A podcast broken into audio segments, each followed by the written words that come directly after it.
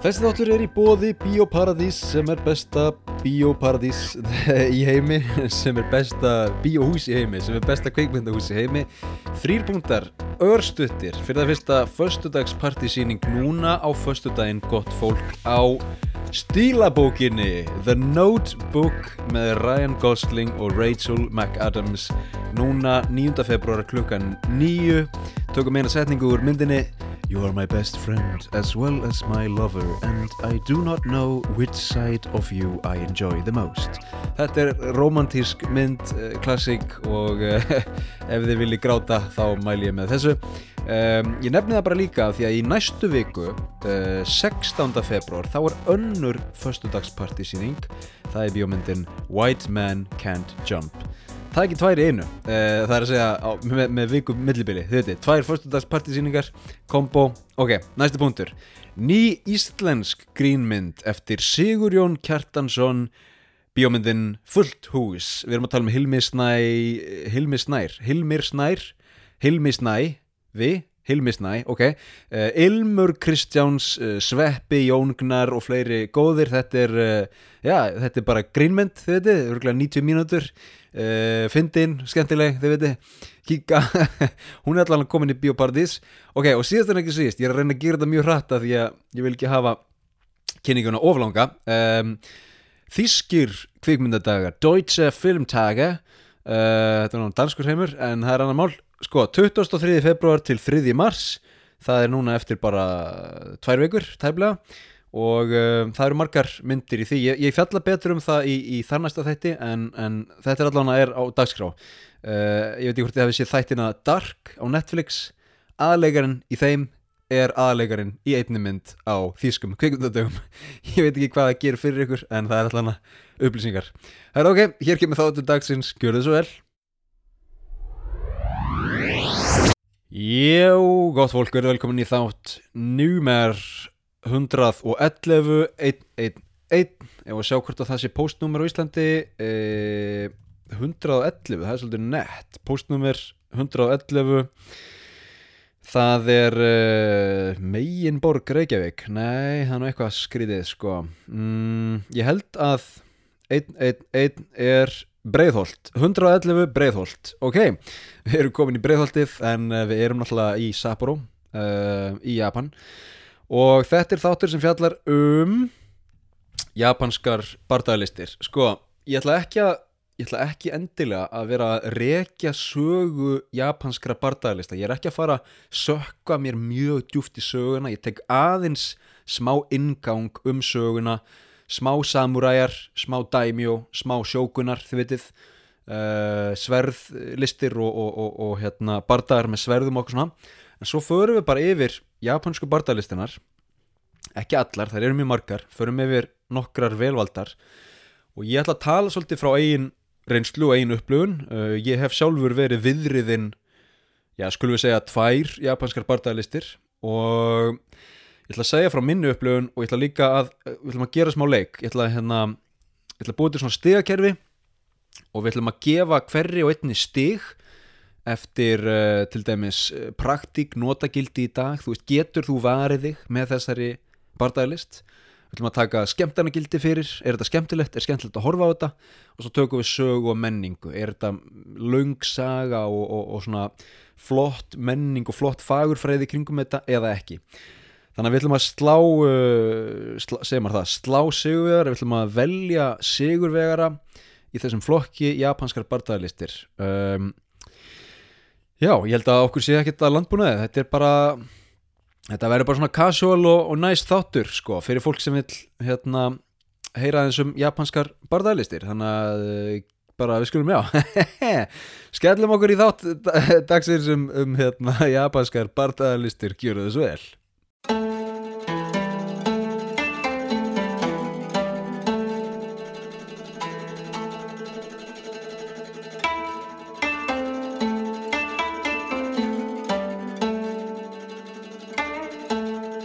Erum á því að skoða sögu og uppruna og við byrjum á sögu Japans. Fyrst er það klassíski tímin uh, í sögu Japans. Það er sjötta til tólta öldin. Það er uh, já, til dæmis tímin þegar Ísland var numið uh, þegar þegar, þegar landnámsmennir komið til Íslands, það er svona svipaður tími en, en á þeim tíma þá var klassík ríkjandi í Japan keisarin, japanski keisarin og japanska keisara fjölskyldan voru miðpunktur landsins og árið 794 verður Kyoto höfuðborgin og tekur þá við ákveðin gullöld í japanskri menningu og japanskum listum. Það er rosa mikið við að, við að draga innblástur frá Kína, eh, buddhismi kemur inn, kínversk fræði, konfúsiusismi kemur inn, keramík, málaralist, te-serimóniur þið vitið. Mikið af því sem er japanst í dag kemur á einhverju leiti upprunlega frá Kína á þessari gullöld, á þessari klassísku gullöld Japans frá sjöttu til tóltu öldinni. Og það er svona í mjög stuttumáli hægt að súmera þetta þannig að hægt og rólega þá missi keisaraveldið áhugan á að stýra landinu. Þau eru einhvern veginn bara, e, þú veist, bara hérna hátt borin, hérna, hvað heitir það? Þau eru bara aðalsfólk, þau eru bara hérna Uh, já, keisara fjölskyldan sjálf einhvern veginn inni lokuð svolítið í keisara höllinni umkringt þjónum og listamönnum og, og, og, hérna, og munkum kannski og veist, þau fá bara rosalega mikinn tíma til að vera dunda sér í, í keramík og málarlist og drekka te og klæðast fallegum fötum og svona og missa kannski svolítið tengingu við það sem er að gerast í útsveitum landsins Það sem er að gerast í útsveitum landsins er að ríkir landeigundur fara að taka málinn í sínar hendur, fara að ráða til sín hermenn til að sjá um örgiskeslu og þetta eru samúræjar. Þetta er ekki bara hvernig hermenn sem er, þetta er ekki óbreyttur, óvarin hermaður með stráhatt og langt spjót, nei, þetta eru elítuhermenn, þetta eru Þetta er í raun aðals fólk, á þessum tíma er stjættaskipting í Japan, þú fæðist inn í ákveðina stjætt og ef þú fæðist inn í stjætt samúræja, þá ertu samúræja, þá ertu tygnarmaður, tygnarfólk, þið vitið, um, það er, þá ertu, já, elítu hermaður. Og það sem gerist upp frá þessu er að það byrja að myndast, sko, klön, klön, ég veit ekki alveg hvernig það er að þýða það á íslensku. Það er svolítið skemmtilegt orð á ennsku, klan. Um, en, en á íslensku væri það kannski gengi eða, eða, eða hópur uh, einhvers konar einhvers konar hópur sem er hlýðhollur sama málstað, getur við sagt. Og á þessum tíma byrja tvö klön, tveir stórir hópar að berjast um áhrif. Það eru Tæra klanið og Minamoto klanið. Og þessir hópar, þessi klön berjast í svo kulluðu Genpei stríði. Á þeim tíma þá er Taira með Shikoku og Vestur Japan. Fyrir sko ruggla hlustendur, fyrir hlustendur sem muna alla þætti heimsendis þá er það svæðið þar sem ég var á skemmtifræðskipinu það er svona eh, sko alveg bara frekar mikið í vestur frá Tókjó um, svo mikið að maður það bara fljúa þú veist, þangað. Þú getur ekki, ef maður getur kert þangað en það er langt. Þannig að Taira er með það svæði vestur Japan. Minamoto sem er hitt stóra klanið undir leiðtóanum Yoshinaka er með mið og norður Japan. Þannig að við tala um Kyoto og, og, og, og nærlegjandi umhverfi Kyoto og svo er Minamoto, það er sama klan en annar leiðtói, Minamoto undir Yoritomo. Hinn er Yoshinaka, þið þurfum ekki að muna þetta, þetta kemur ekki á prófi. Minamoto undir Yoritomo er með suðaustur Japan og þannig erum við að tala um Tokyo og félaga. Og síðan er, er til hérna hópur sem heitir Oshu Fujiwara sem eru eins konar norðlingar, við getum litið á þá sem eh, hérna, House Stark ef við tökum Game of Thrones samlíkingu. Uh, norðlingar eða Fujiwara eru með norður Japan vissulega án Hokkaido. Þau veitir ég bjó Hokkaido eigu en á þessum tíma þá var ekki búið að taka Hokkaido eigu frá æginufólkinu æginufólkið, frumbyggjarnir réðu enn yfir Hokkaido. Þannig að á þeim tíma þá var Japan í raun bara náði ekki yfir Hokkaido eigu hvað er það? sem sagt, Minamoto undir Yoritomo það er að segja Tokyo og félagar taka völdin. Það er að segja Tókjó og félagar sigra Tæra í stríðinu og sigra setna meir Fujiwara í stríðinu um, og ég veit ekki hvort að þeir, þeir sko drepi Yoshinaka sem er hinn Minamoto höfðingin uh, eða hvort að hann bara degi eða eitthvað skilur, ég veit ekki alveg hvernig það er þetta er ekki, hérna, þetta er ekki mjög nákvæm frásögn en þetta er svona, í grunninn er þetta þannig að, að uh, Tókjó og félagar undir stjórn Yoritomo taka landið og ná ákveðinni saminningu og það opnar inn á nýtt tímabil sem heitir Kamakura tímabilið.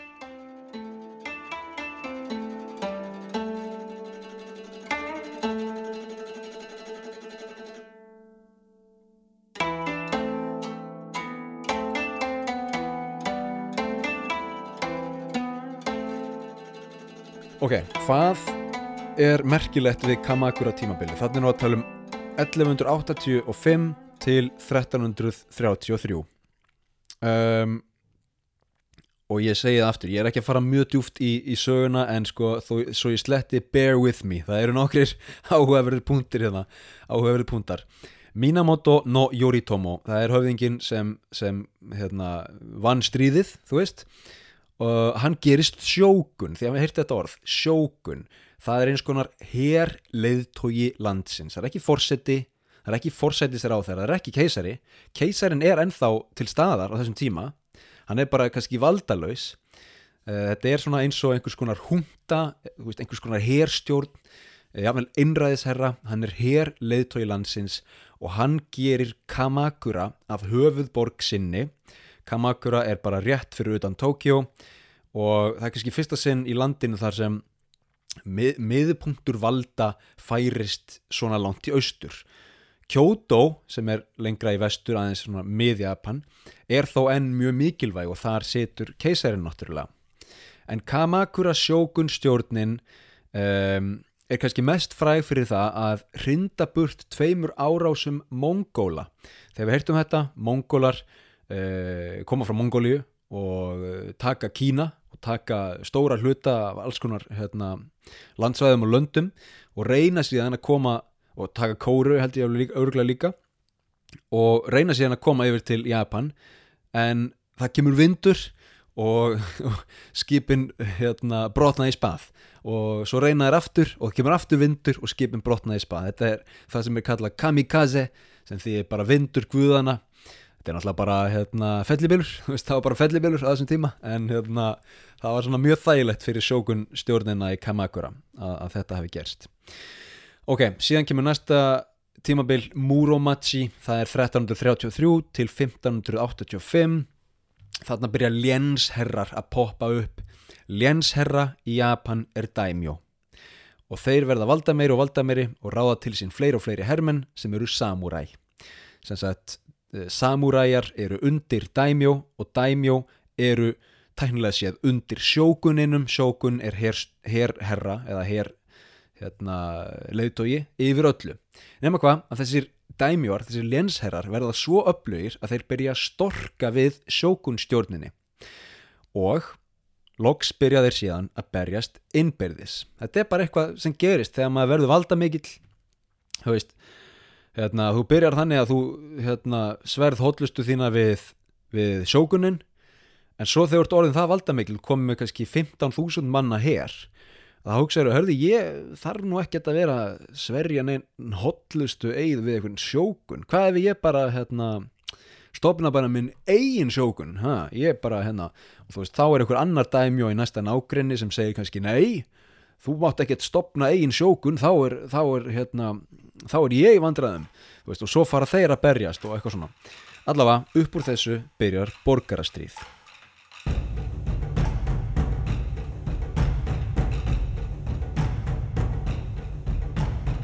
Borgarastríðið uh, undir lok 16. aldar fyrir upphaf 17. aldar er kannski eitt svona mikilvægasta Uh, einn mikilvægsti atbyrður í japanskri sögu því að það sem kemur í kjölfarið er saminning Japans. Tokugawa sjókun stjórnin barði niður borgarastríðið og sameinaði allt Japan undir einn hatt og lokaði landinu í leiðinni. Við höfum heyrt um þetta. Þegar Japan lokar fyrir dyrnar í 250 ár og það er svo kallað Edo tímabil. Af hverju heitir það Edo tímabilið? Af því að höfuborgin færðist til Edo, Edo er Tokjó og þetta er sko mjög mikilvægt tímabil fyrir japanskar listir og japanska menningu og japansk klæði. Á þessum tíma þá náði Japana sko að búa algjörlega til eigin stíl. Við, við tölum ofta um þetta með tónlistarfólk þegar tónlistarfólk er kannski saman í bandi og svo splittar einn burt og ætlar að gera soloplötu og þá þarf viðkomandi kannski að finna sinn eigin stíl þetta er það sem Japan er að gera. Japan er, að, Japan er búið að vera undir miklum áhrifum frá Kína. Kyoto-borg sérstaklega undir miklum áhrifum frá Kína uh, og bútismannum en, en á Edo tímabilin þá lokar Japan bara dýrunum lokar bara út út, hérna, lokar heiminn úti. Bara við ætlum aðeins að fá að, að hérna, vera bara við sjálf hérna og hugsa máli hérna, og uh, mikið af japanskum hérna, stíl japansk, japanskri menningu japanskum listum kemur frá þessum tíma. Og af því að Japan er saminað og það er ekki borgarastyrjöld lengur þá er mikill friður, veist. Það er ekkit mikið verið að berjast og það þýðir að samúræjarnir sem voru múin að ganga um héruð og uppsveitir Japan þungir fyrir vopnum sko, og, og berjast skiluru upp á dagnánast þeir bara fá ekkert lengur að gera. Þannig að samúræðinir verða bændur og hægt og rólega sko, fækkar þeim og, og, og hérna og e, þegar við hugsum um samúræja og hugsum um svona þau veitir, hérna, jáfnvel orustur í Japan það er ekki það sem er að gerast á þessum tímambili edo tímanum, það er, meira, það er fyrir það sko, þannig að, þannig að það er kannski mál segja svolítið að samúræðinni séu svolítið að líð undir lok þarna. Og síðan undir lok edo tímabilsins 1868 þá kemur Meiji endurreistnin Japan gjörbreytist, fer í vestrana átt vest, sko, nútímavæðist, yðnvæðist opnar fyrir fyrir hérna, vesturlöndum, fyrir að apa eftir vesturlöndum kannski. Og ég minni bara á þátt eh, heimsendis um japansku heimstyröldina þar sem við tökum Meiji endurreysnina fyrir. Um, þannig að þetta er svona, þetta er svona í mjög grófum dráttum veist, rosalega grófum dráttum japansk, uh, saga Japans japansk saga. En það sem kannski, það sem stendur upp úr er að í mörg hundruð ár voru mikilvægir stríðsmenn ráðinir af lénsherrum til að verja löndin, verja búið og berjast í, í innbyrðis baróttum, orustum og síðan borgarastríði. Þannig að, þannig að það er grunnurinn í þessari frásögn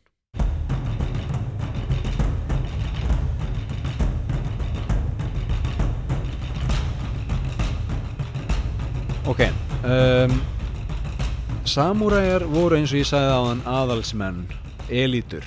Þeir máttu og þurftu í mörgum tilfellum að bera tvö sverð með sér, eitt langt og eitt stutt. Langt til að berjast, stutt til að berjast líka, þú veist, eða uh, inn í hérna þröngu, þú veist, þröngu hérna, hvað heitir það, matarbúri eða eitthvað, inn í soja brugghúsi eða eitthvað, skilur við. Þá getur ekki verið að sveibla lungu sverði þá er bara verið með lítið stutt sverð og bara stinga. En svo náttúrulega er líka talað um að, að litla sverðið hafi verið notað til að taka eigið líf ef svo ber undir. Um, stinga því í, í, í kviðin eða magan og, og, og opna, opna magan uh, seppuku heitir það og aðrar lægri stjættir sem sagt lægri stjættir en samúræjar máttu ekki endilega bera vopn. Og það er kannski ein af ástæðanum fyrir því að bardagalistir í Japan urðu til. Það er að segja við meðum ekki nota vopn. Hvað getum við þá gert? Ef að samúræjar ráðast á okkur hvað getum við gert? Hvað getum við gert?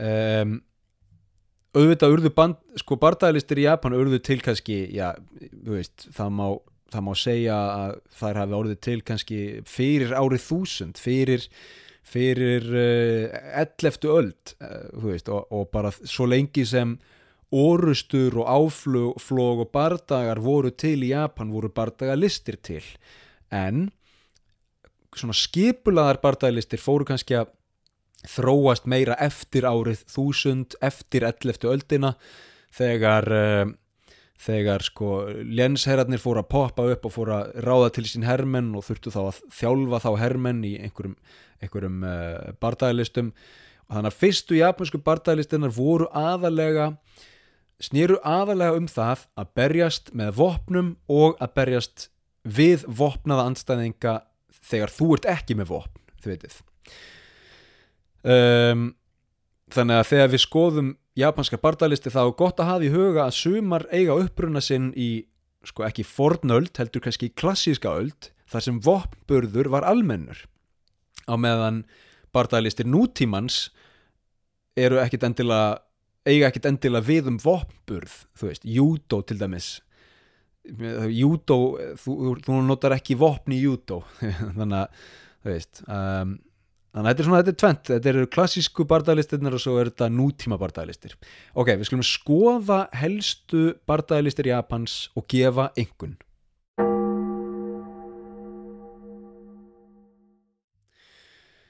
fyrst skulum við tala um sumoglímu. Sumoglíma er þjóðar íþrótt Japans og er líklega elsta bardaga listin elsta bardaga íþróttin bardaga listin í Japan uh, það má rekja hana alveg bara mjög langt aftur í tíman uh, í gegnum heimildir, í gegnum bækur og, og rít og svona. En, en fyrir tóltu öld þá var sumo klíma að öllum líkitum frábröðin því sem hún er í dag. Það er að segja, fyrir tóltöld var stundum barist til dauða, getið ímyndað ykkur það? sko, hérna, skilmingaþrælar í Rómaborg börðust til dauða en þeir voru þá allavega vopnaðir sem þýðir að dauðdægin hefur kannski verið já, oft, oft líklega ósmæklegur en, en kannski, kannski hraður eða þú veist, kom hratt skilur, eitt sverði í, í, hérna, í kviðin skilur, það er mínúta þá ertu bara farin en sumo glímu kappar að berjast til dauða það hefur verið blóðugt og ógislegt sko. Um, það hefur tekið tíma get ég mynda mér að uh, klára þannig bardaga. Sko um, sumo klíma er ekki endilega gerð fyrir praktik þar að segja hún er ekki endilega hún er ekki endilega æfð fyrir þá praktík að geta sko notaðana gegn andstæðingi heldur byrjaði sumoglíma sem einhvers konar uppskeru ritual og það tengir inn í tenginguna við Shinto sem er þjóðar trú Japans það tengir inn í nótkun á salti til að hreinsa vígvöllin og hreinsa sjálfan sig frá íllum öndum. Það tengir inn í sko bara allt útleitið og fagur fræðin á sumo, það er notast við kaðla úr vöfnu grasi þú veist, hérna uh, já, sumo er svona kannski hvað, hvað sko hefðbundnust af öllum þessum bardaga listum þó var sumo á einhvern tjónpunkti líka hluti af herþjálfun eitthvað sem þú gast á kannski notað ef þú, vær, ef þú ert vopnlaus gangvart vopnum um anstæðingi og missir sverðið eða missir spjótið eða eitthvað og, og þarf það hérna taka andstæðingin niður skilur þá, þá var sumo notað. Það var allavega hluti af herþjálfun af víðari herþjálfun. Sko ég fjallað um sumoglímu og reglurnar í kringum sumoglímu áður, ég man nú ekki hvað þætti það var þáttur kannski 65 eða eitthvað eitthvað slíkt.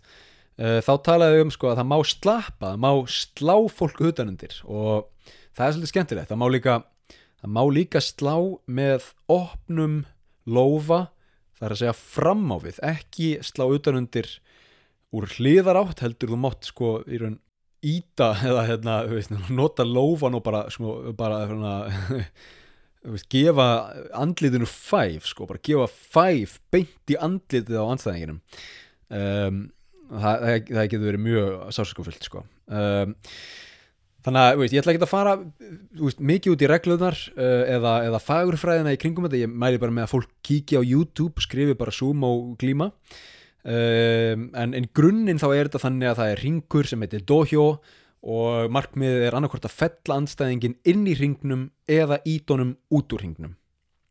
Ok? Skoðum stigagjöfina sko. Sumo uh, hversu mörg stig fær sumo? Við skulum byrja á praktík notagildi í dag. Og þetta eru þrýr flokkar og það eru tíu stig í bóði í hverjum flokk. Ég myndi segja að varandi praktík slags notagildi í dag fær sumo einhvern veginn að sjö. Sumo er ekki sko, þú veist, sumo er ekki þú lærir, lærir ekki að kýla þú lærir ekki að einhvern veginn verjast uh, kýli eða höggum skiluru þú lærir bara að hlaupa á andstæðingin og drepa hann þú veist, sko ástæðan fyrir því ég segi sjö í dag er ekki endilega út á tækninu þó að tæknin sé vissulega til staðar sjöan kemur út af því að sumo kappar eru stórir. 120 kíló skiluru þeir stæstu eru kannski 180 kíló. Þá er dórnið svolítið feitur. Og þetta er ekki bara feita þú veist, 120 kíló við getum ímynda okkur að sko 120 kíló sumogaur er kannski eins og 100 kíló eða 90 kíló rúbígaur þið veitir, það er að segja undir fytunni eru vöðvar og sumokappar æfa rosalega mikið sko nefbegju og það er mjög, mjög mikilvægt að vera með mjög sterka fætur sterkan kjarna stert bak, veist, og sterka sterk bara, vera bara sterkur, vera bara drullu sterkur. Ég hef heyrt sögur um japanska sumo-gauðra sem fóru í æfingabúðir í Rúslandi og duttu í það, þú veist, fóru að vodkafyllir í með rúsneskum sumo-köpum og svo fóru þeir út og fóru að detta bíla. Það er að segja, tóku bara bíla í rétt stöðluftu og leika sér að því, leika sér að, að því að velta bílum á hliðina. Þú veist, blind fullir sumokappar í ölæði eftir vodkadrykju út á bílastæði að velta bílum, getið ímyndað ykkur? Þannig að þeir segi praktik notagildi í dag upp á sjö. Það er bara af því að ef að þú, venjuleg manneskja mundir lenda í atunumanni í sumo þú veist það er bara, veist, það er ekki gott sko það er ekki gott sko. Þeir hérna veist, já um, þeir eru nautsterkir og, og stórir og þungir og ef þú fært zoom og gaur ón á þig það er bara lights out. Ok, um, skemmtarnagildi það, það er bara tíja það er bara, það er bara einfalt, tíja sumo er rosalega skemmtilegt að horfa á. Uh, ég farið á sumo í Tókjó við vorum að það í 6 klukktíma og mér leytist aldrei því líkt sko skemmtilegt að horfa á fagurfræðina í kringum þetta, köllin frá dómaranum, ingönguna, útgönguna og náttúrulega bardaðan sjálfan, veist, þetta er bara drullu skemmtilegt, þetta er stutt, hver bardagi er stuttur, þú veist, og reglunar er ekki flóknar þannig að það er bara mjög skemmtilegt að horfa á þetta. Ef að þið komið til Tókjó eða bara hvert annar staðar í Japan sem er og hafi möguleika á að skoða sumoglímu, þá mæli ég sterklega með því saga og menning þarna er átta, áttastig af hverju? Að því að veist, þetta er laungsaga þetta er líklega eldsta bardagalistin. Og hún hefur sterkar tengingu við trúarbröð við eh, veist, andatrú við uppskerur og, og, og eh, veist, landbúnað. Þetta er bara svona spiritual trúarbröð og, og menningin og sagan bak við sumo er, er mjög skemmtileg. Og þetta er þetta er náttúrulega sér japonsk íþrótt Júdó er japansk íþrótt en júdó er stundað í Fraklandi, Bandaríkjum, Breitlandi, Afrikuríkjum, skilur, hérna, með Östurlund, júdó er stundað á mjög mörgum stöðum, sko. Uh, en sumo er aðilega stundað, er, er, er bara, bara stundað í Japan. Þannig að uh, þetta er, uh, sumo fær, sem sagt, heildar einhvernuna úr þessum þremur flokkum, 25. Kíkjum næst á Jiu-Jitsu. Jiu-Jitsu er eh, ein elsta bardaglistin með sumo mögulega frá áttundu öld uh, og var fyrst þróað fyrir hermenn til að verjast spjótum og sverðum. Þetta er sem sagt bardaglist sem er þróuð með vopnaburð í huga en líka með það í huga að þú getur varist vopnum óvopnaður eða óvopnuð. Um, Jujutsu þýðir soft skills sem ég vil þýða sem óbengt eða sko, já, mjúk mjúk tækni, mýkt sko. Og snýst það miklu leiti um óbeint átak. Ekki, þú veist, ef þú ert með 100 kíló að gauður á mótið og þú ert 80 kíló, þá, þá er erfitt að mæta viðkomandi, sko, svo í sletti head on, bara beint. Heldur verður að mæta viðkomandi óbeint af því að, að viðkomandi er sterkar en þú og þú er að beita óbeinu átaki til að yfirbugan. Uh, en Jiu-Jitsu var þróað sem eitt vopn í stóru vopnabúri. Þetta er ekki þróað til að standa eitt og sér. Þetta er þróað sem eitt vopn í vopnabúri. Um, ef við ímyndum okkur aftur samúræjan þá er nummer 1, 2 og 3 að nota sverðið þú veist. Samúræjan víkur ekki frá sverðinu síðan er bara ef það skildi mögulega einhvern tíma gerast að hann missi sverðið þá þarf hann að geta grip, gripið í önnur vopn þar að segja gripið í sjálfsvörn með höndum eða fótum, gripið í fellur eða, eða lása eða eitthvað slíkt en, en nummer 1, 2 og 3 er náttúrulega bara að berjast með sverðinu. Þannig að Jiu-Jitsu virkar kannski vel á tóltu öld fyrir eitthvað sumo, nei fyrir eitthvað nefna, samuræja en þú veist, ég, ég sé ekki alveg endilega hvernig, hvernig Jiu-Jitsu myndi virka í, í dag. Og það færir okkur yfir í, yfir í stegagjöfina, við skulum byrja á praktik notagildi í dag, ég gef því einhvern 5. Um, þú lærir náttúrulega vopnaburð, þú veist að einhver leiti, það fer kannski eftir jiu-jitsu skólum en gefið að það að þú lærir að beita nýf, þá náttúrulega er einhver praktik í því en náttúrulega er kannski, það kannski er svolítið ógæslegt að tala um það þannig, maður vil náttúrulega ekki, maður vil ekki að hérna, fólk sé gangandum með nýfa en en ok, þú lærir einhvern vopnabörð þú lærir einhverju leitt að takast á við vopn.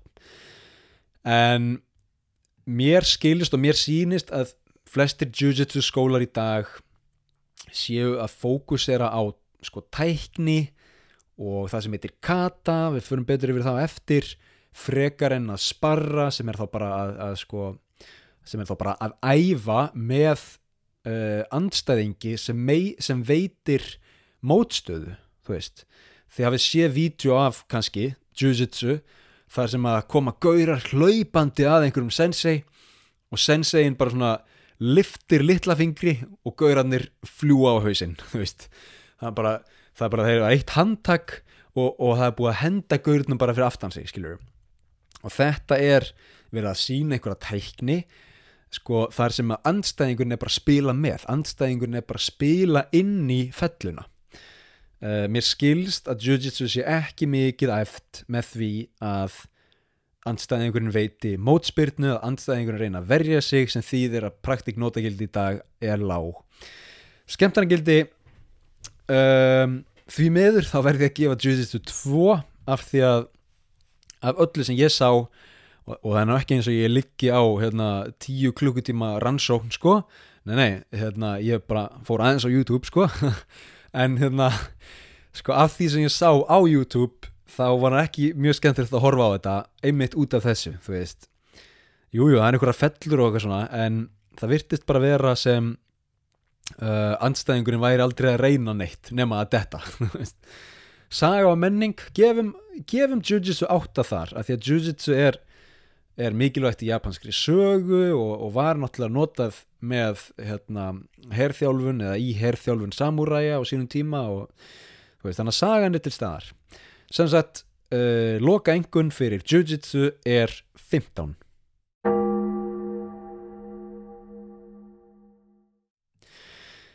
Næst er það gott fólk Kendo Kendo.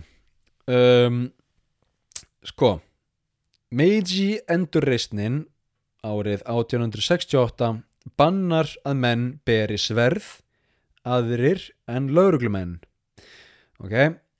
Og það er slemt veist, þetta er tíman, tíminn þegar samúræðarnir líða undir lok þetta er tíminn þegar uh, japanski herin hættir að nota sverð og byrjar að nota bissur veist, og, og það eru margar mismunandi bardagalistir með sverðum sem, sem tínast og, og bara, þú veist, hérna, deyja út, sko.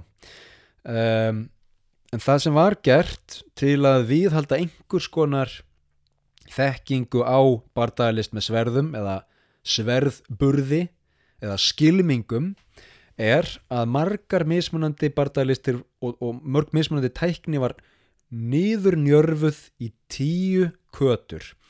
Kata er japansk orð sem þýðir bara sko aðferð eða leið til að gera eitthvað. Um, uh, hvað getur maður ta, tabe kata eða, kannski, eða nomi kata eða eitthvað skilur. Þetta er, já, hérna, tabe kata væri þá leið til að borða eitthvað nomi kata væri væri leið til að uh, drekka eitthvað yomi kata væri leið til að lesa eitthvað. Um, veist, þannig að þetta er notað en, en, en í bardaðalistum þá er þetta aðalega átt við um um sko fyrirfram ákveðinar rútínur. Við getum eiginlega eiginlega líkt þessu við kóreografæðaraðan dans veist, það er að segja ákveðin dans dans eftir handriti.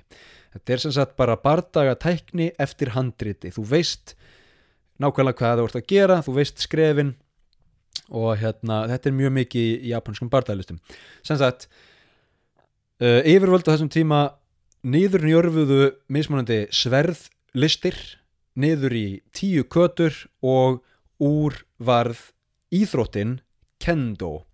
Kendo er eins og ég segi íþrótt miklu frekar en bardagalist en hún var líka notuð sem þjálfun fyrir sverðburð og vopnburð lauruglumanna á þessum tíma þegar ég var á skemmtifæraskipinu fyrra þá voru margir fyrirlestrar um samúræja og daimjóa og sjógurna og, og það var einn hérna alveg svona, alveg svona ríkalegur amerískur nörd og ég segi ríkalegur að því að hann var oft ókurteis sem var sko, hann var alltaf eitthvað að tala um eitthvað svona uh, veist, hann var sem sagt einhver, meistari í eitthvað japansk, japanskri sverðlist og hann var ekki auðmjúkur meistari hann var ekki hóhuvægir meistari hann var alltaf að gaggrina alla í kringum sig.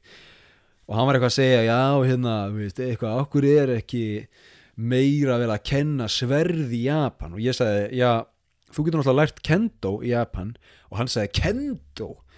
Kendo er bara kjöftæði þú veist, samúræðinir voru ekki að nota kendo. Kendo er bara ykkur nútíma íþrótt sem virkar ekki neitt. Ég er að tala, veist, og hann var bara eitthvað svona og við erum að tala um sko 65 ára gaur hörðu, hagaðu þig sko. Hérna hann var leiðilegur hann var leiðinlegur gaur, neikvæður því líkur neikvæðinis leiðinda púkimaður. En allavega, hann var ekki hrifin af Kendo um, en hvað er það? Kendo er sko Kendo er náttúrulega bara, þú veist, eins og segi íþrótt og þjálfun. Og þetta er hérna, þetta er, er þetta olimpíusport, býtur nú við Kendo in Olympics. Um, Nei, þetta er ekki olimpíusport en þetta er sko þú veist, þetta er keft í Kendo og alþjóðlega mótum og þetta er alveg stór íþrótt.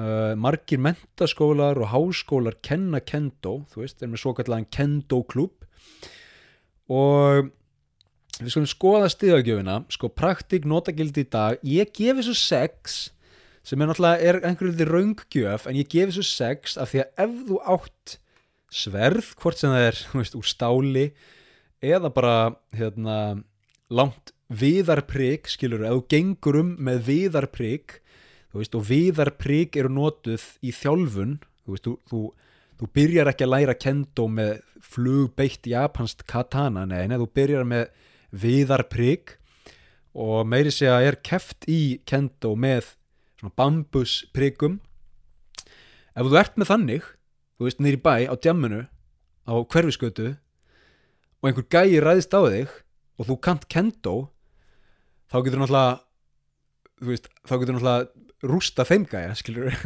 þannig ég gef þessu sex gefið að þú sért með sverð eða prík ef við erum að tala um bara eitthvað svona ef við erum að tala um bara eitthvað svona heimsenda sviðsmynd tölum bara um zombi skilur faraldur, bara uppvakningar og okkar aukl ef þú átt eitt gott katanasverð og kant kendo þá ertu bara í geggjumálum sko. Þú veist, þannig er mér þess að gella í, í Walking Dead sem var þannig sko. Alltaf að, hefna slátra uppvakningum með katanasverði um, þannig að ég segi, já þetta er sex þetta er sexa, gefið að þú eigir sverð eða prigg skemmtarnagildi, ég kíkti á uh, eitthvað svona alþjóðlega keppni í Kendo. Og þú veist þetta er alveg svona þetta er smá nett, skilur, þetta er netti búningar uh, netti búningar og, og þú veist, þetta er mikil hraði og svona, ég skil ekki alveg reglunar um, veist, mér finnst þetta mikið reset sko, ég veit ekki hvort að fólk skilji það, veist, það er bara eitthvað svona um leið og nærð einu höggi þá, kemur, þá flautar dómarinn og þá þarf að þá þarf alltaf að bakka frá veist, þannig að það er ekki sko uh, ég veit ekki hvert, sport, hvert sportið fer þetta er bara eitthvað, veist, bara safna stegum en ok, gefum þessu 5 í skemmtarnagjaldi saga og menning aftur átta. Þannig erum við að tala um kannski það sem kemst næst því sem samúræðinir gerðu með sverðin sín. Ekki beintenging en veist, þetta er það sem kemst næst því. Ef þú vilt læra um samúræja þú veist, og læra um japanska sverðlist þá er Kendo ekkert slæmur staður til að byrja á þannig að Kendo færi heldina 21 næst er það Aikido. Um, sko Aikido er líklega eitt svona hvað segir maður? Óvinnsælasta slas miskildasta slas uh, sko svona verst hérna verst markaðsetta sportið sko hefist, skoðum við það sko Aikido var fundið upp einhvern tíman í kringum 1920 og markmiðið var að verja sig án þess að meiða andstæðingin að sigra andstæðingin án þess að meiðan þetta er svona, þetta er svona ef að Gandhi fer í slag eða eitthvað svona eða hérna, Dalai Lama ef að Dalai Lama drekkur yfir sig og fer í hérna, svona fyllerís áflog á okkur bar þá myndi Dalai Lama nota Aikido til að uh, yfirbuga óvinnin án þessa meiðan óvinnin liggur bara allt í, í jörðinni finnur ekki fyrir neina, það er engin sársöki þetta er svolítið gott. Sko ég myndi svo að segja að, að, að annað markmið og jável aðal markmið Aikido er bara sjálfsvinna.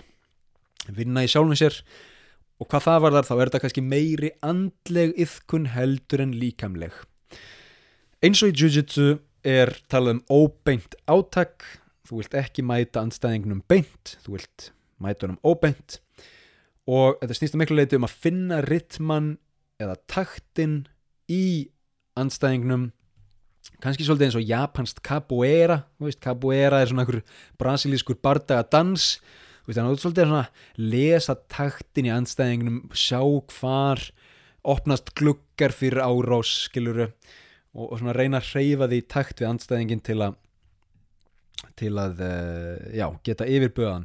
Það er einhver vopnabörður og einhver þjálfun í vopnabörði sem fylgir Aikido en aðalmálið er að forðast áflók um, Sko nútíma Aikido ég segja þetta sem svolítið brengluð markasetninga, brengluð mynd sem við fáum sko þannig að eru það er sko, það er eitt mál með bardaglistir og það er það að þegar það er ekki keft í bardaglistum sko á svona styrðum stórmótum þú veist á alþjóðlegum ofinbjörnum stórmótum og þegar þegar það er ekki áhersla á að æfa með sko, hvað segir maður æfa undir þrýstingi það er ekki áhersla lögð á að æfa þannig að andstæðingurinn er að reyna að drepa þig þá spretta upp alls konar dojo og gym hér og þar þar sem að senseiin, þar sem að sko gaurin eða gellan sem er að kenna er ekki endilega svartbelti, skilur þau er kannski bara ekki drosalega góð í Aikido og ég hef upplifað þetta á einn skinni. Þegar ég var í Costa Rica þá fór ég að læra brasilíska golfglímu í, í einhverju dojo hjá einhverjum gaur sem var með svona Krav Maga bakgrunn. Krav Maga er einhver ísraelsk bardælist. Og hérna þú veist, sá gaur var samt með svart belti í, í brasilískir golfglímu nema hvað hann hann vildi aldrei berjast sjálfur sko. Hann vildi aldrei berjast sjálfur sko. Hann var bara að segja okkur að veist, vera að sparra gett mikið og gera hitt og þetta og það voru svona óheðbunnar og skrítnar æfingar uh, ég fóð nú ekki drosalega oft sko en, en hann vildi, ég fekk aldrei að- glíma við hann sko, nei, nei, nei, nei, hann var bara svona, hann var svona orðin svolítið þippin skiluru og svona var, veist, og ég bara fann strax bara, ok, þetta er uh, þetta gæti verið sko bara gerfi svart, svartbelti sko. Hann er bara keift þetta á eBay sko. Um, og þetta hef ég trú á að þetta hafi mikinn áhuga á Aikido. Að það séu svolítið margir sko í Aikido sem eru búin að fara svolítið langt frá upprunanum. Þú veist, Aikido var kannski í uppruna sínum bara mjög góð bardælist en það eru svona alls konar lottarar hér og þar búin að búin að taka þetta og brengla þetta og, og beigja þetta og gera þetta að einhverju sem þetta á ekki að vera. Uh, hafandi sagt það þá sá ég veist, YouTube myndbönd af gæja sem virtist vera svo maður sletti legit sem virtist vera bara alvöru listamæður í bardaga og hann var að kenna Aikido og hann var að segja sko að ef að við ætlum að berjast sko þá bara berjumst við 100% sko. Uh, það er ekkit hérna það er ekkit verið að feika neitt hérna sko. Og það var alveg áhugavert að sjá hann berjast þú veist, hann var alveg, alveg með eitthvað að takta. Um, en þú veist ég veit ekki, ég veit ekki ég, ég veit ekki hvenar ég myndi velja Aikido fram með eitthvað annað, kannski bara af því að þetta er þú veist, einhver leiti andleg yðgun og, og markmiðið er að reyna að meiða ekki óvinnin þannig að ef að þú veist, ef að fólk er bara fríðarsinnar og vilja læra svolítið um japanska menningu og, og læra einhver, einhver, einhver að takta en, en kannski ekkit endilega mikla praktík þá gæti Aikido verið gott sko. Um, ok, hérna notagildi í dag, gefum Aikido 5 þú veist, þú lærir ímislegt þú lærir að kannski ekki endilega undir pressu sem þýðir að, að þegar einhver ræðist á því þá veit ég ekki hvort þú myndi geta nota það. En, um, en, en það er alveg gott að læra þannig að gefum þessu 5 skemmtana gildi ég verð að gefa Aikido 3 það er bara, víst ég horfði eitthvað aðeins á YouTube Aikido barda og það er bara Samo Jiu-Jitsu þú veist, það er bara þú veist, það er bara eins og sé verið að sína einhverja tækni sko. Um, ekki mikil uh, sko, ekkert mikil bardagi þú veist, það er ekki verið að berjast hérna, upp á líf og döða saga og menning já, gefum Aikido 7 þarna. Þetta er svona þetta er svolítið sko næs að þetta sé andlegt og næs, næs markmið í grunninn að vilja ekki meiða andstæðingin en um, en þetta er ekkert sko, þetta er ekkert veist, 1920 cirka þannig að Aikido endar í svo gott sem 15 stegum 15 steg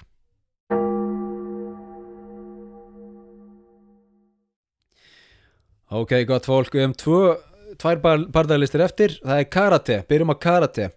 Karate þýr tómhendi, tómhendi, tóma hendin, eh, ekki bláa hendin eftir Adam Smith, uh, nei, hérna, hver samti kapitalíska bókina, kapitalísku bókina Blue Hand, uh, býtum við, uh, okkur er ég, þetta, hérna, hvað er að gerast? Það er engin blá hendi.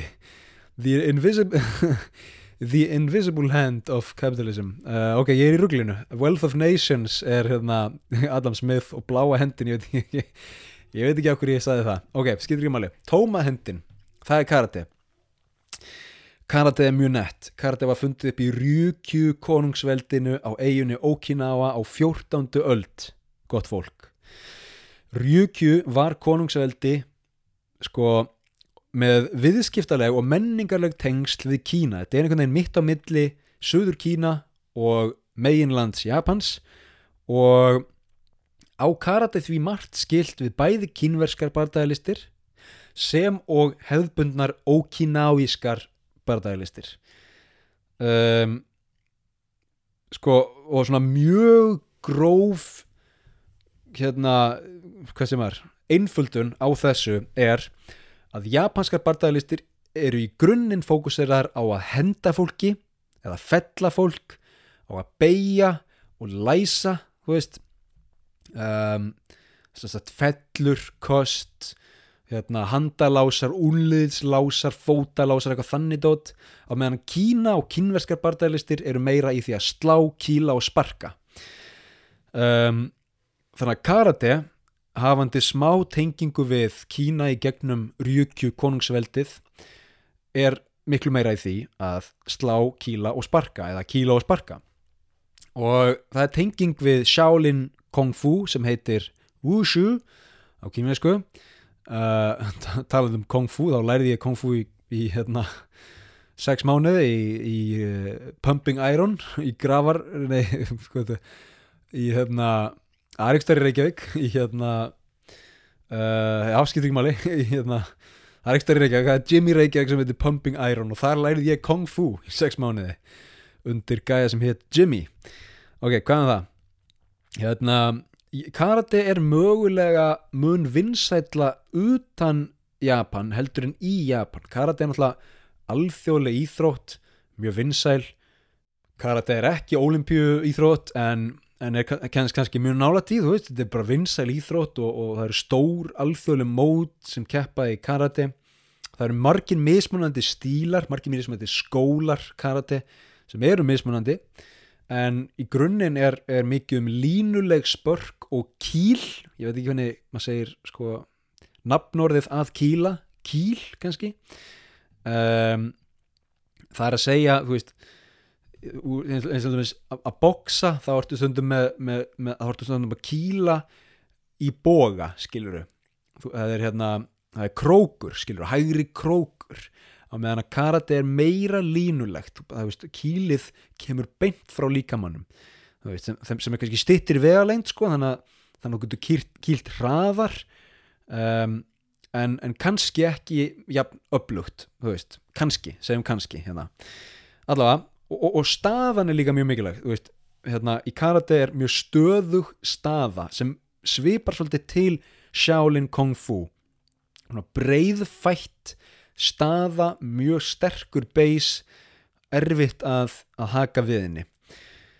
Í mörgum karateskólum er mikil áhersla á kata sem eru þessir, þessar fyrirfram ákveðinu æfingar eða fyrirfram ákveðinu rútínur um, en svo eru líka margir karateskólar sem, sem, sem sko eru svo kallar full contact eða jáfnvel knockdown karate þar sem þar sem þú ert líka bara að sparra þar sem þú ert líka bara að æfa af fullum krafti þannig að, þannig að andstæðingurinn er að reyna að verja sig og þú ert að reyna að drepa hann skilur, ekki drepa en þið veit ekki að ég við veist, að það er hérna við tölum stundum um þetta í, í brasilískri golfglímu sem ég hef svolítið eftir sko að, veist, tökum 50% hérna uh, veist, ég er að æfa mót ekkurum og ég vil að viðkomandi veiti mér 50% mótspyrnu síðan færuðu það kannski upp í 75% mótspilnu og svo undir lokæfingar þegar við erum að, að sparra eða rúlla þá færu við það bara upp í 100 skilur, þá eru við bara reyna að drepa hvern annan sko. um, án þess að drepa hvern annan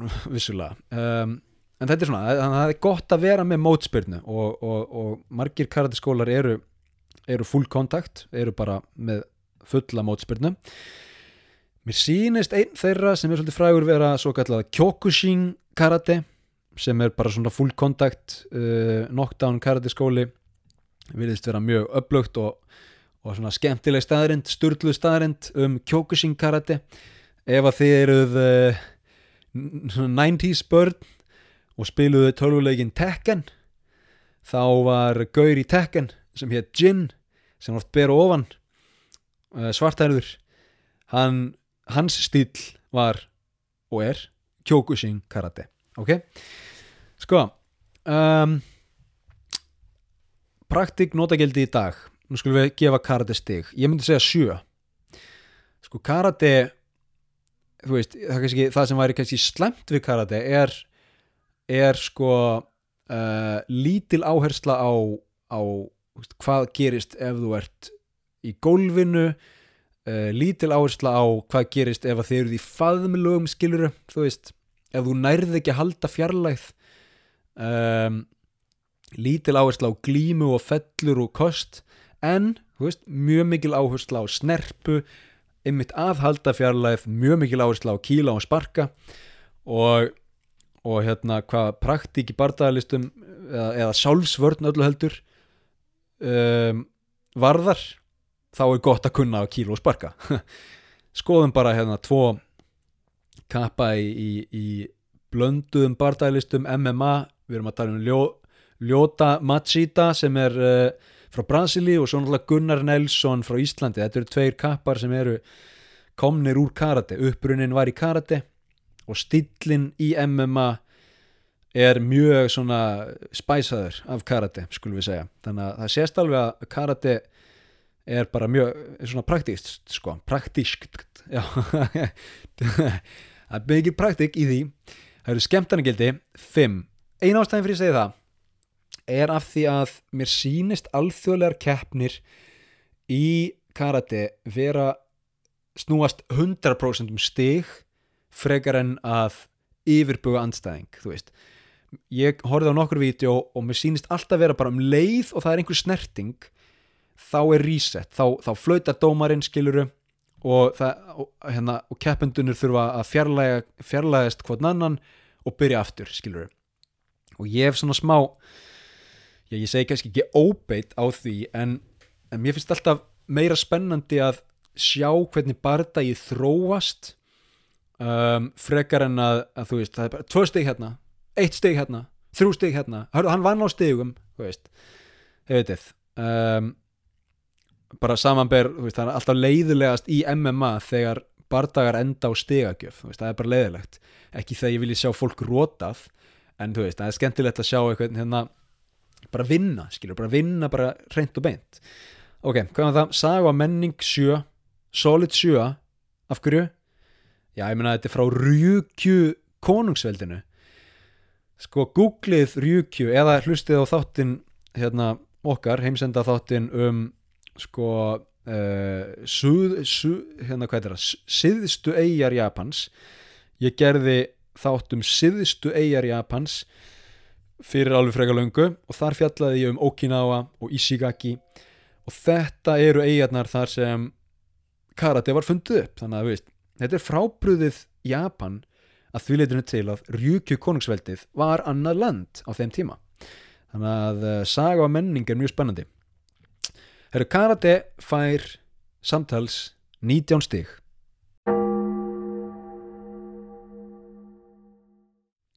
Síðast en ekki síst, síð, síðast, reynum aftur, síðast en ekki síst, reynum eins og enn, síðast en ekki síst gott fólk, judo eða judo. Þetta er uh, svo kallað gentle way, sko það er að segja orðið judo þýðir gentle way sem er það bara uh, svona, svona mjúki vegurinn hinn mjúki vegur og sko ef að þið hafið, hafið hérna, sparrað við júdó júdó glímu kappa þá er nú fátt mjúkt við það. En hvaðan það? Um, sko þetta er eina olimpíusportið held ég alveg örugla eina japanska barndaglistin sem er olimpíusport þetta kom til sögunar árið 1882 Tökum eftir því það er bara nokkrum árum eftir að samúræjarnir renna undir lok, nokkrum árum eftir Meiji endurreysnina. Judo var fundið upp af Kano Jigoro sem mótvægi gegn Jiu-Jitsu sem lagði mikla áherslu á kötu. Hvað þýðir þetta? Á mannamáli, sem sagt, Jiu-Jitsu var alltaf notað til að þjálfa til dæmis já, hermenn, lauruglumenn, þið vitið, en það var rosalega mikil áhersla á þessar rútínur, áhersla á þessar kötur, þú veist ef þú ert að berjast við eitthvað á sko výgvellinum veist, þá er viðkomandi ekki að fara að leggjast niður og, og, og, hérna, skiluru yfirbugast af því að þú ert að sína einhverja rútínu, nei, nei, nei, nei, þá snýst þetta bara um hver getur barist betur.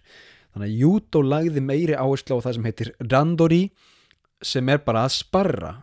Randori er bara frí sparra eða sagt frjálspardagi þar sem báðir aðilar eru að reyna að vinna. Ok, og, og, og, og svo nefnir ég náttúrulega aftur að það má alveg breyta í, þú veist það má vera 50% að móti 100% eða 75% að móti 100% eða hvernig það er. En í grunninn þá er mótvægi þá er við, við komum að veita mótspyrnu. Ok, þannig að judo eða judo varð miklu praktískara sport eða bardagalist og, og, og jiu-jitsu vek svolítið úr vegi fyrir judo lögreglan í Tókjó skipti til dæmis út jiu-jitsu fyrir judo á þessum tíma út af þessu nákvæmlega. Við getum ekki verið að þjálfa hérna, jiu-jitsu lengur ef að judo er miklu betra. Judo kom svolítið upp sko uh, judo var svolítið vinsælt eða svona vakti allavega aðtikli í Tókjó þessum tíma með því að judogaurar kannski og konur, ég veit ekki á þessum tíma bara því verðið afsaka en, en mest líklega judogaurar voru að mæta á okkur keppnir sem lauruglan í Tókjó held mæta einhverjum lauruglumönnum sem voru þjálfaðir í jiu-jitsu og judogaurarnir bara lögðu þá, bara stöppuðu þeim saman skilur og hérna löggan sagði bara ok, jiu-jitsu maður hættum, hættum því uh, þetta judo verið styrka, förum við það. Ok, uh, ég læriði judo þegar ég var í Japan, ég skipti námi í eitt ár ég læriði í pínu litlu dojoi sem hétt Kusahara, Kusahara Dojo. Það voru sko þrýr aðri nefnendur og þrýr kennarar og kennarinnir voru þrjár kynsluðir af, af hérna judoköpum um, reyktu allir eins og strompar. Ógislega líktaðum alltaf þegar maður glíma. Og hérna en, en, en sko mjög áhugavert og þú veist rosalega mikið mikill ægi sem fylgir þess að, að koma inn, neyja sig uh, neyja sig áður en þú stýgur á dínuna þú veist, jút á dínuna neyja sig áður en þú þarf út af dínunni. Það er sérstök leið til að setjast niður sérstök leið til að standa upp. Það er um, sérstök leið til að byrja þjálfun og barda. Og segir onigai shimas sem því bara, hérna, please eða bara eitthvað eitthvað þetta í gangi eða eitthvað svona og svo segir arigato seimasta þegar þú klárar bara takk fyrir bardagan eða takk fyrir þjálfunina er rosa mikið lagt upp úr því að æfa sömu felluna eða sama kastið aftur og aftur og aftur og aftur og aftur og aftur. Þannig að þú kannski ert að henda einhverjum á jörðina hundra sinnum þú veist og láta einhvern henda þér á jörðina hundra sinnum. Og svo aftur og svo aftur og svo aftur. Þannig að sem líkamsrækt er júdó bara ruggla gott sko þú veist. Um, ef þú borðar eins og, eins og svín og æfir júdó eins og hestur þá ert að, kom, þá ert að fara að komast í mjög gott form. Það er bara, það er frekar það er frekar basic sko. Um, og ég kefti einu sinni í júdó í Japan og fekk svo kallað fyrsta dan. Á Íslandi er fyrsta dan mjög hátt á, í Japan er fyrsta dan mjög lágt. Það þýðir basically kvítbelti um, en það var gaman, þú veist ég náði einu yppóni og eitthvað svona og, og hérna bara ég var, var ekkert vaksin og er ekkert vaksin í út og sko, ég er bara mjög léttur þú veist, ég er vaksin til að spila fókbólta og hlaupa marathon veist, það, það er minn líka mig sko. Um, en hérna það er mjög gaman að sjá, þú veist, þegar maður er í lestin í Tókjó sér svona gauðra sem eru byggðir eins og sko skriðdregar eirun alveg í, í sko krullu sko, það er búið að það er búið, það er búið að þjöstnast svoleiðis á eironum og það er sem gerist sko fyrir fólk sem þekkir ekki þá leið til að spotta hvort að fólk sé gott að berjast eða ekki. Það er einn góð svona leið. Kíkið á eirun ef að eirun eru eins og ef að eirun eru eins og sko hérna blómkál sko þá, þá hérna þá er líklegt að við komandi kunna slást sko. Það sem gerist er basically það að veist, einhver setur þig í, í hérna, hauslás eða eitthvað svona dót um, eða þú veist að krægin á, á hérna, júdogallanum er endalust að slást í eirun og það sem gerist er bara að brjóskið í eirunum robnar, bólgnar grær, robnar, bólgnar, grær robnar, bólgnar, grær og svo smátt og smátt þá bara missir brjóskið sína upprunlega lögun og verður bara já, þetta er oft kallað blómkálseiru skilur og hérna, það er mjög gaman að vera í lestin í Tókjó og sjá sko gauðra sem eru greinlega hættir í jútó eru núna bara komnir í eitthvað, fyrirtæki eru bara í svörtum jakkafötum en eru 110 kíló byggðir eins og nöyt og eirun eru í rugglinu það var svona það var svona kvísla í aðeim respect ok, hvað er það? Hérna það er mjög gaman fyrir mig persónulega að, að upplifa jútó um, en ég myndi samt segja að jútó sé sko rosalega mikil íþrótt. Þetta er rosalega mikil íþrótt verandi olimpíusport og, og það er kannski aðeins of mikið verða að einblýna á stigagjöf og stíin og að sapna stigum heldur en að klára anstæðingin og enn og aftur, það er eitthvað sem ég fíla ekki endilega. Og ég man eftir því í júdó maður var eiginlega hrættur við að reyna sko fellur af því að ef að það klikkar og, og hingaurin næra að fella þig þá getur bardaðin verið bara búinn, bara svona þú veist, ef að viðkomandi næra ippon sem er bara svona stór fella eða stórt kast, þá er þetta bara búið. Þú veist, þannig að eitthvað sem hefði kannski orðið 6 mínútna bardagi bara klárast af því að þú rugglaðist. Og ég menna að þú veist það kannski er spennandi, það kannski veitir þessu ákveðina spennu, en ég myndi alltaf vilja fá tækifæri til að klára bardagan um, veist, þó að ég detti þá vil ég fá tækifæri til að koma aftur og, og sanna mig, eða skilur þau þannig að, þannig að mér finnst soldið jút og soldið mikið verið að leggja áherslu á stígin og sapna stígum frekar en að klára. Ok. Sem sagt praktik í dag við erum að tala um, um ég ætla að gefa þessu nýju uh, ástæðan er jú að því að tæknin er nokkuð góð tæknin í jútó er bara frekar góð skiluru og sérstaklega veist, af því að mikið, snýst mjög mikið um það að grýpa í klæði á anstæðingnum og nota það grip og nota vægi og, og svona vogar afl til að ná viðkomandi úr jafnvægi. Þannig að ef þú ert með sko jútógaur annarsvegar og ekki jútógaur hinsvegar þá er jútógaurinn að fara að vera með rosalega stert grip rosalega sterkar hendur og viðkomandi og hann getur nota líkamann til að gjörsamlega henda þér úr jafnvægi. Og gefið að við séum öll klætt í fött, þú veist svona dagstælega, þá er jútó gott af því að það er þetta að nota föttin til að til að hrinda þér eða kasta þér eða ná þér úr jafnvægi eða allan að stýra fjarlæðinni ok, pluss það þú veist eins og ég segi, líkamsræktin. Jútó er svo góð líkamsrækt og fólk sem er búið að vera lengi í jútó er byggt eins og nöyt og veist, það eitt og sér er gott, það er praktíst að vera byggður eins og nöyt, skilur skemmtarnagildi gefum jútó 7 um, en og aftur það er of mikið reset það er of mikið verið að fókus á stig og mér finnst ofta eins og fólk sé of hrætt að fara í fellur uh, af því að það er hrætt við að gera mistök en þegar fellurnar nást þegar, þegar flott kost nást þá er jútó mjög fallegt. Þannig að ef þið farið bara eitthvað svona YouTube, sko, jútó highlights eða compilation eða eitthvað svona þá er það að fara að sjá mikla víslu Saga og menning gefum jútó 6 ekki löng saga en alveg frekar nett að jútó hafi einhvern veginn tekið við af jiu-jitsu og not, verið notað sem þjálfun í, í lauruglunni þannig að jútó er, er bara frekar gott sko. uh, samtals 20 og 2 stig. Já, ég er gott fólk, nú fyrir þetta að vera komið gott hjá okkur. Sko áðurum við, ég ætla bara það er nokkri punktar sem ég á eftir uh, en áðurum við gerum það og skulum við grína hérna sigurvegara. Ég glemdi að taka þetta saman þannig að við skulum bara gera þetta í rauntíma. Sko því líka því líkur leti haugur ég, nenni ekki að taka þetta saman ok, sko, í þriðasæti með 21 stig Kendo um Ég byrð alla karate áhuga menn afsökunar á því að ég hef valið kendo fram yfir karate.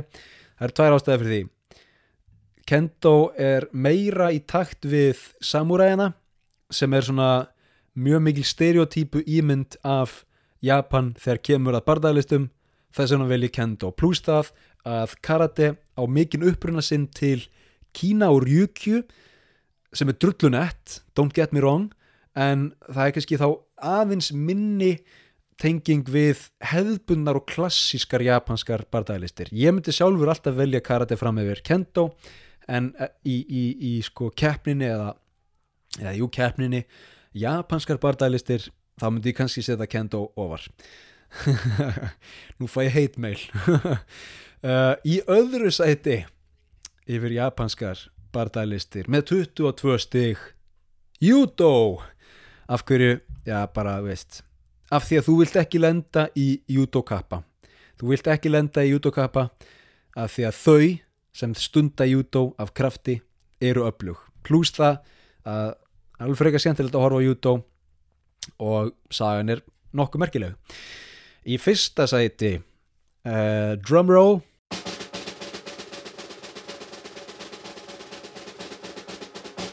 þið veitu þetta vissulega sumo glíma með 25 stig af 30 mögulegum. Sumo glíma er þjóðar íþrótt í Japana elsta bardaglistin í Japan skemmtilegast að horfa á og ja, frumlegast, bara frumlegasta sportið, ég meina það er ekki hverjum degi sem að sér gaura sem líta út eins og uh, ég veit ekki hvað, skilur einhverjar, einhverjar verur úr Studio Ghibli mynd sko. Um, þannig að sumo glíma er, er aðalmálið í þessu. Uh, ég minni á, á að sko það er mikilvægt að sjá sumo glímu með byrjum augum ef að þið fáið tækifæri til að gera það.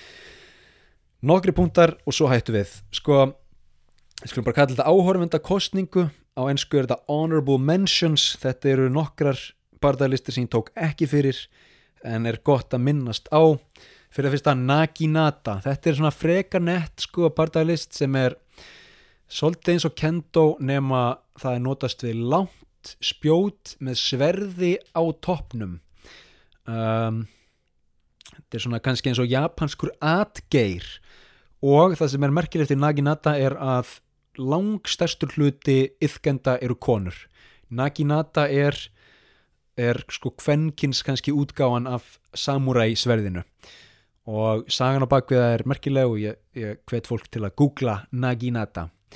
Næst er það ninjutsu sem er þá bara bardagalistin sem ninjur eða ninjur ekki nunnur heldur ninja, ninjur eh, stunduðu og ninja er náttúrulega uh, svona svartklætur uh, svartklætur hermaður sem er stund einhvers konar leini hernað og svona, svona skæru hernað uh, ninjutsu er ekki íþrótt eða keppni í dag og ég held að það sé nú ekkert margir staðir sem stunda það en þetta er svona einhvers konar sögulegt samingi Herðu, kyudo ekki judo, heldur kyudo þetta er japansk bókfimi og það eru margir háskólar og mentaskólar sem stunda kjútó og þetta er svolítið nett sport. Uh, ég hef ekki prófað þetta en, en bara gaman að, að fólk kunni ennþá að vinna með boga. Síðast en ekki síðast er það Brazilian Jiu-Jitsu. Þetta er náttúrulega brasilísk íþrótt og ásó sem ekkert skilt við Japan nema bara það að tæknin, eða sko hluti tækninar kemur frá Japan. Brazilian Jiu-Jitsu, brasilísk Jiu-Jitsu glíma, brasilísk golfglíma Þetta er það sem ég hef æft í mörg mörg ár og uh, á bláabeltið í og, og hérna, þetta er svona mín uppáhaldsbardalist. Um, og kannski sérstaklega af því að, jú, það er verið að samna stigum en, en hérna þó að sko einhver fellið þig, þó að einhver fellið mér sé bara mjög mikið, þá er ekkit stoppað, það er ekkit reset, það er ekkit, þú veist, dómarinn er ekkit að ekkert að skerast í leikin skilur, það bara heldur áfram. Það er 6 mínúna glíma og þú bara heldur áfram.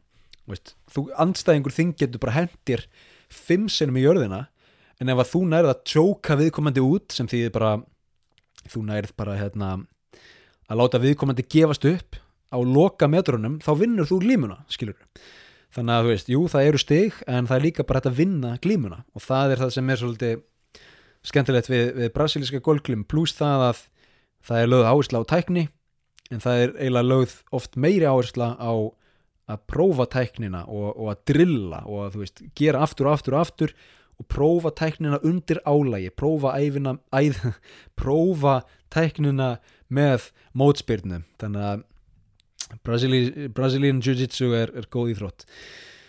Uh, eins og gerist alltaf því ég er búin að tala einn og hálf tíma þá fer ég að missa röddina og það er bara eðlilegt. Um, Ég ætla bara að skilja ykkur eftir með eina pælingu, eða tvær, segjum tvær. Fyrir að fyrsta, hver er pælingin með japanskar bardalistir?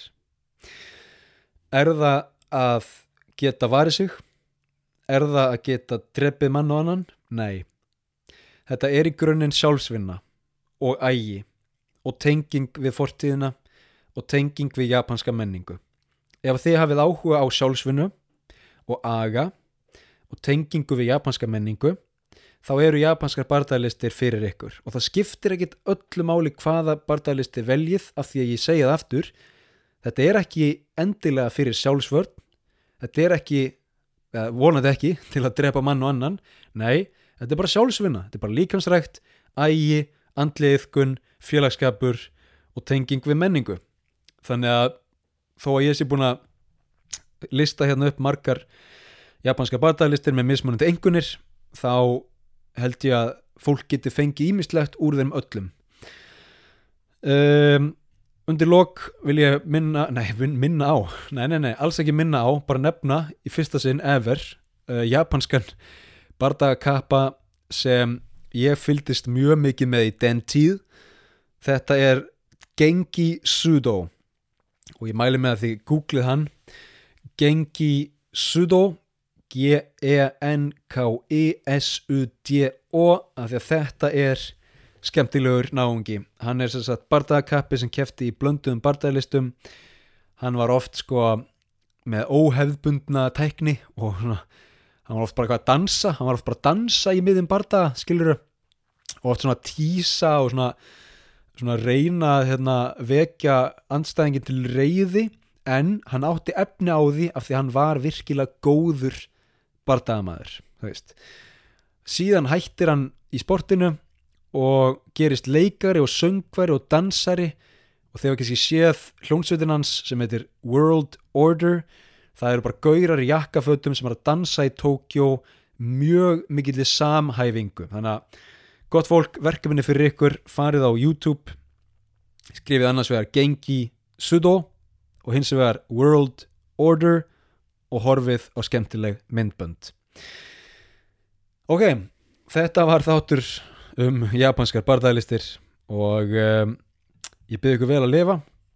Ég mæli með að prófa japanskar bardaglistir bara hvað sem er veist, kannski ekki sumo það er, það er svolítið erfitt sko en, en hérna mjöna, karate, judo, veist, jáfnvel aikido það er aikido í Íslandi, það er karate á Íslandi, það er judo í Íslandi mögulega er kendo líka á Íslandi. Um, hvað sem er, bara prófa skilur, af hverju ekki?